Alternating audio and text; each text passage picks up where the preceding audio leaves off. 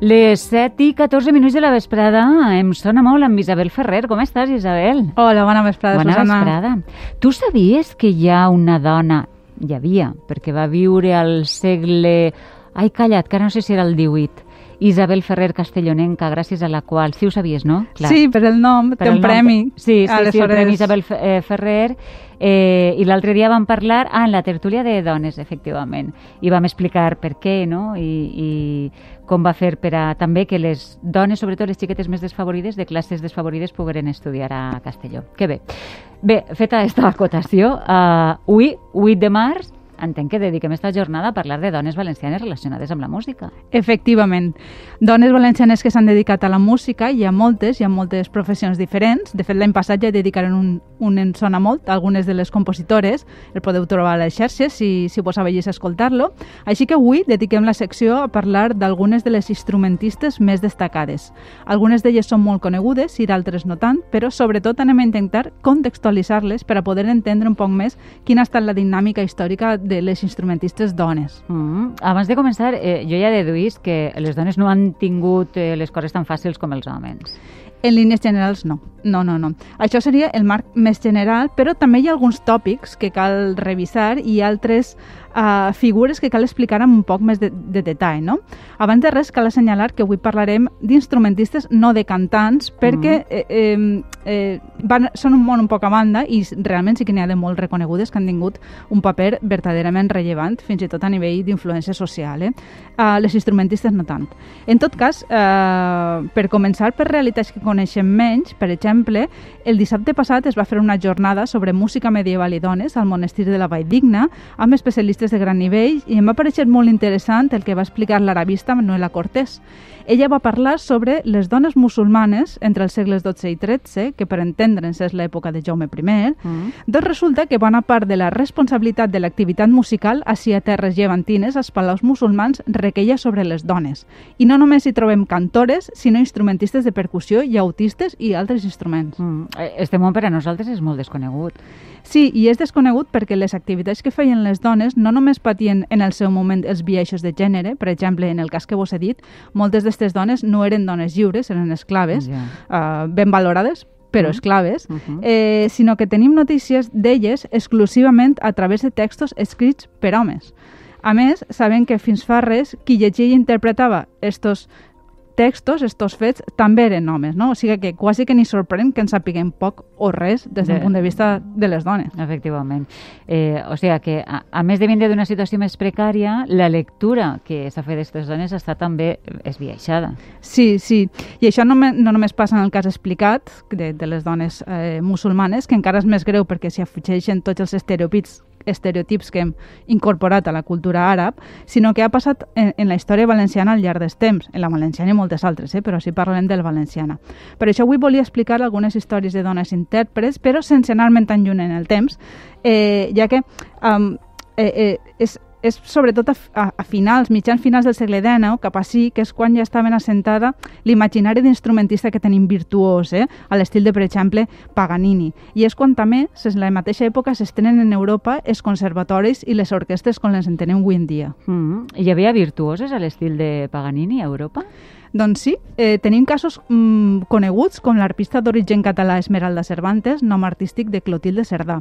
Però, de forma resumida, podem afirmar que hi havia moltes menys dones instrumentistes i les que hi havia han estat molt condicionades. I quins eren aquests factors que condicionaven? Resumint molt, eh, eren limitacions en dos nivells. En primer lloc, hi havia instruments que no es consideraven aptes per a una dona. Al segle XIX a València i totes les ciutats costava trobar una dona que no fora pianista, arpista o cantant, Mhm. perquè majoritàriament, majoritàriament perdó, tenien vetats els àmbits d'accés a altres instruments que eren les bandes o els estaments militars, per tant, directament descartades. Però deixant això de costat, les limitacions venien sobretot a l'hora de professionalitzar-se.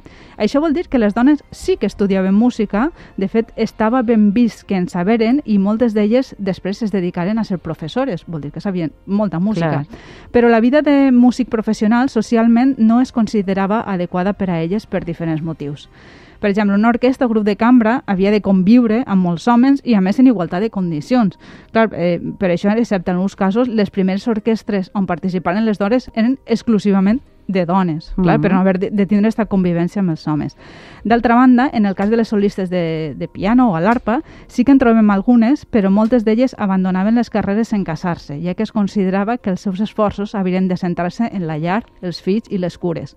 I a tot això se sumava sovint la falta de referents previs i les pressions de la premsa, vull dir, un panorama que no ajudava. Mhm. La veritat és que mm, no sona molt diferent del que ocorre en l'actualitat, Isabel. No, perquè jo crec que hi ha una idea de fons que encara es manté i que és que hi ha com una essència, que, que dones i homes som diferents. Els homes se suposa que serien millors per a tot allò mm, públic, tècnic, i les dones per a l'àmbit de les cures, allò sentimental, i això, clar, encara es manté, no? que és Mm, la idea tant. Que ve un poc del segle XIX. Per tant, les dones podien estudiar música, però al final la seva naturalesa, segons les idees d'aquell temps, era ser esposa i sobretot mare, perquè es considerava que tota existència de la dona havia girat un poc entorn a això, no? Aleshores, sabem que, per exemple, per parlar ja del cas valencià, en el Conservatori de València va haver moments en què el número de dones matriculades arribava al 75%, que és una cosa que explica Anna Fontestat en la seva tesis, però a l'hora de la veritat, qui arribava a ser músic professional reconegut, exceptuant les cantants, eren els homes. Mhm. I, I va haver-hi dones que es van rebel·lar contra aquest model o no? Hem de pensar que sí, perquè l'any 1884 al Conservatori es va haver de prohibir que les dones puguen ser professores. I perquè provisquen una cosa és perquè hi havia una pressió al, al, al darrere no? que va generar el veto. Jo, si voleu, pues, explico com va anar la cosa perquè realment demostra molt la ideologia d'aquell moment. Mhm. El Conservatori es va inomina, i, i, inaugurar l'any 1879.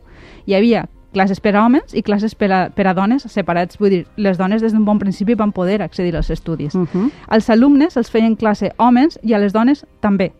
Sí?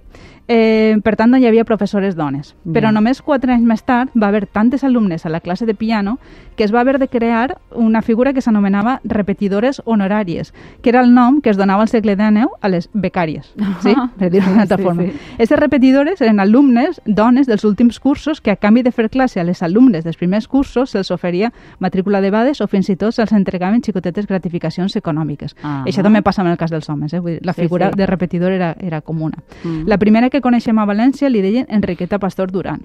Sabem que va estar fent classe fins i tot una vegada finalitzats els seus estudis al centre, però mai se la va reconèixer com a professora. O sigui, que hi havia moltes alumnes i, a més, dones que feien classes, però no estaven reconegudes. Sí, de fet, en els primers reglaments del conservatori no posava res sobre de quin sexe havien de ser els professors, però es van trobar amb que el gran número d'alumnes dones, una cosa que suggeria que s'inclogueren professores eh, per a elles, com ocorria en altres ensenyaments que les professores sí que eren dones. Però això no va passar.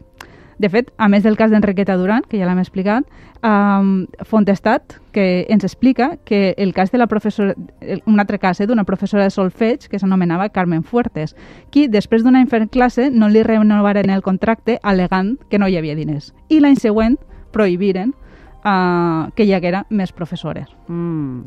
tenim un altre cas encara, que encara ens explica un poc més el context, que és la professora d'arpa, un instrument ja en aquell temps majoritàriament femení. Sí. Sabem que des de l'any 1887 hi havia classes d'alpa al conservatori, però en, no apareix el nom de, de qui les impartia.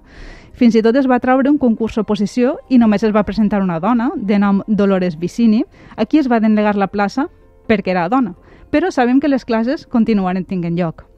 La sorpresa és que l'any 1910, o sigui, uns 15 anys després, es va treure la plaça i la va guanyar ella. I les classes van seguir mantenint-se, la qual cosa vol dir que probablement ella era la professora, però en negre. Ja, ja, ja. O sigui que eh, ho sabem, no?, eh, per això, perquè perquè sabem que va ser ella 15 anys més tard i perquè hi ha documents de, que cercioren que econòmicament se seguia pagant algú que feia classes d'arpa. Ja, caram. Eh, abans parlàvem d'instrumentistes famoses. Eh, quines són, eh, o quins són els primers casos d'instrumentistes que traspassen aquestes barreres? Primer de tot, hi ha un contingent de dones que estudiaven música i després eren professores privades, moltes d'elles fins i tot després de casar-se. El que passa és que com eren activitats domèstiques, Ja. no les coneixem, eh? que és Ja. un clàssic també de les dones. I després, majoritàriament, hem d'esperar ja al segle XX per a trobar instrumentistes famoses. Sens dubte, la instrumentista valenciana d'aquell moment més internacional és Ampare Iturbi, que més enllà de ser la germana xicoteta del també cèlebre pianista eh, José Iturbi, eh, va realitzar una carrera impressionant. Al final de la dècada dels 30, tots dos, com sabem, mogueren cap a Hollywood Hollywood, on aparegueren en diverses pel·lícules musicals eh, durant els anys 40 i 50. Escoltem-la, si voleu, interpretant música espanyola.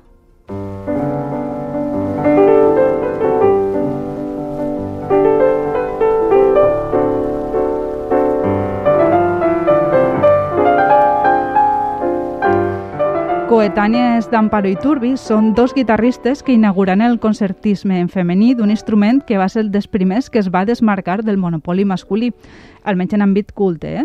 Són Pepita Roca i Josefina Robledo. Totes dos, a l'inici de la seva carrera, foren alumnes de Francesc Tàrrega, que un fet que va ajudar un poc a legitimar-les. No? A Josefina Robledo la trobem amb només 15 anys oferint un concert al mateix conservatori. Després va exercir de concertino fent gires, realitzant estades a Llatinoamèrica, on també té publicades transcripcions per a guitarra.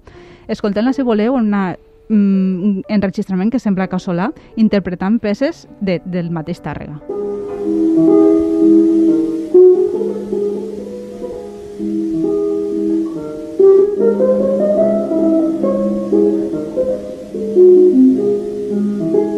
quina meravella. Només a mi Tàrrega m'agrada moltíssim. Sí, sí, sí. I eh, per, per la seva banda, Pepita Roca era uns anys més jove, però també tinga un desenvolupament professional similar, arribant a exercir com a professora en el Conservatori de València. No he sabut trobar enregistraments seus, però sí que comptem amb una obra de qui va ser deixeble seua, Rosa Gil, i posterior catedràtica també al Conservatori de València.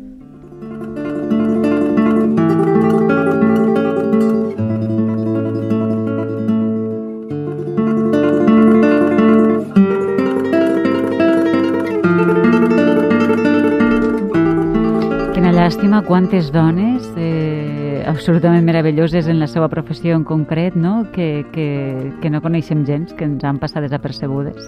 Doncs sí, i la veritat és que la idea és que a partir de tot aquest moviment que s'ha generat ara, a poc a poc anar traguent-les a la Mhm, llum, perquè va haver-ne, eh, I pot tant. ser no tantes, però sí que en tenim molts exemples. Mm. I un altre cas que vos volia parlar, d'una dona també prou desconeguda per, a, per al gran públic, és la clavecinista Amparo Garrigues, que després de cursar els seus estudis al Conservatori de València se'n va anar cap a París, on fou alumna de eh, Wanda Landowska, una clavecinista la més famosa internacional d'aquell moment.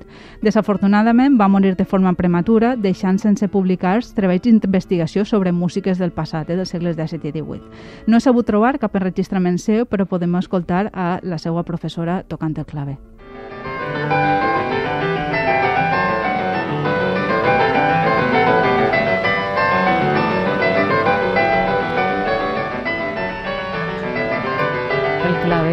Clave, que xulo. Sí, i bueno, de l'Amdosca n'hi ha moltíssims enregistraments que la podeu veure uh, en, en la xarxa perquè vos feu un poc una idea de com era tot este món. I per a finalitzar anem a parlar del violí, Sí. eh, un instrument que actualment eh, compta amb moltes professionals que s'hi dediquen i eh, s'ha de dir que la primera alumna del conservatori que s'ha localitzat des de Comnongoni, que probablement seria família d'un violinista del mateix nom, però sens dubte la figura valenciana més important al violí del segle XX és Josefina Salvador, germana de la compositora Matilde, Salvador. Mm. Ella va estudiar a París i després va ser concertista arreu d'Europa fins a esdevenir catedràtica eh, de violí al Conservatori d'Alacant. I ens agradaria allargar-ho més, però esta primera part d'instrumentistes Doncs amb esta, amb esta primera part ens has posat eh, la mel als llavis i l'hem gaudit molt, o sigui que moltíssimes gràcies Isabel i t'esperem la setmana que ve. Que Gràcies vagi bé, feliç dia de la dona. igualment.